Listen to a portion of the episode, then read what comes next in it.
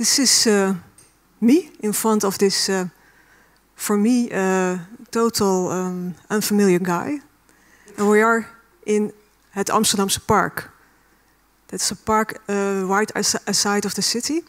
And we are practicing Insight Dialogue with eight other people. And you can see a part of another couple at the side of this uh, picture. And um, what are we doing? We're sitting down and we contemplate with our eyes closed. For example, uh, on a theme or a question, for example, friendship. Now we open our eyes and one of us starts to speak about what is coming up in his mind or in his body. It's, it's about sensations, thoughts, feelings. And the other one is quiet.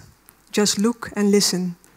But the both, both of the two people are um, keeping focused on what they both feeling in, in their own body and head or mind. After more or less five minutes, uh, the, the, walls change. And then um, the other one starts talking. This Insight Dialogue is a form of Buddhist Vipassana meditation, the mother of mindfulness. And I met this Vipassana method when I'm traveling around in Burma.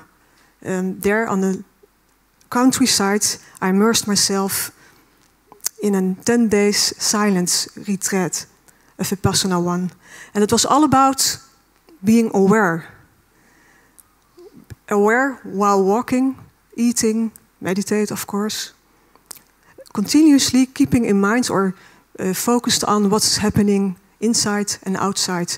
It's about emotions, sounds, smells, you name it. And I still practice this kind of meditation here in the big city, Amsterdam. And I do it at home or in parks like here, but also in a meditation center, sometimes in the red light district.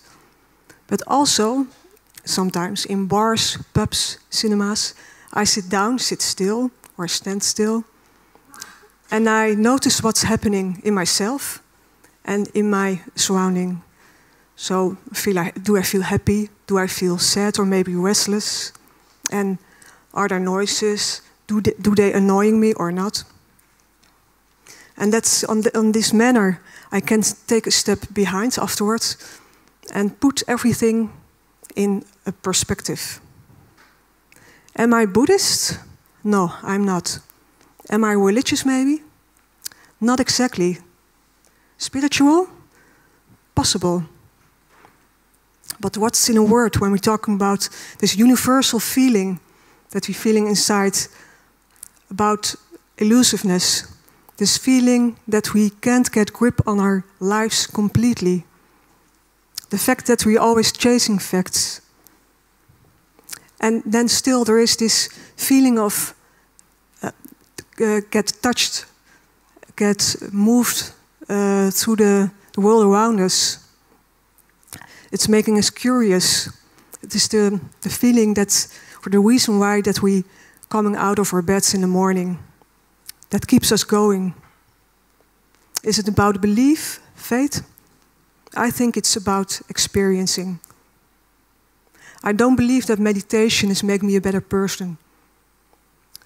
I have also not special uh, habits, uh, practical habits in daily life, except the ones that I impose myself for practical reasons. I want, of I see uh, when I med meditate, then I, I see that I'm aware of myself, uh, inside, outside, and that the more I practice, the more I'll be aware in general. So, I do believe in daily life experiences.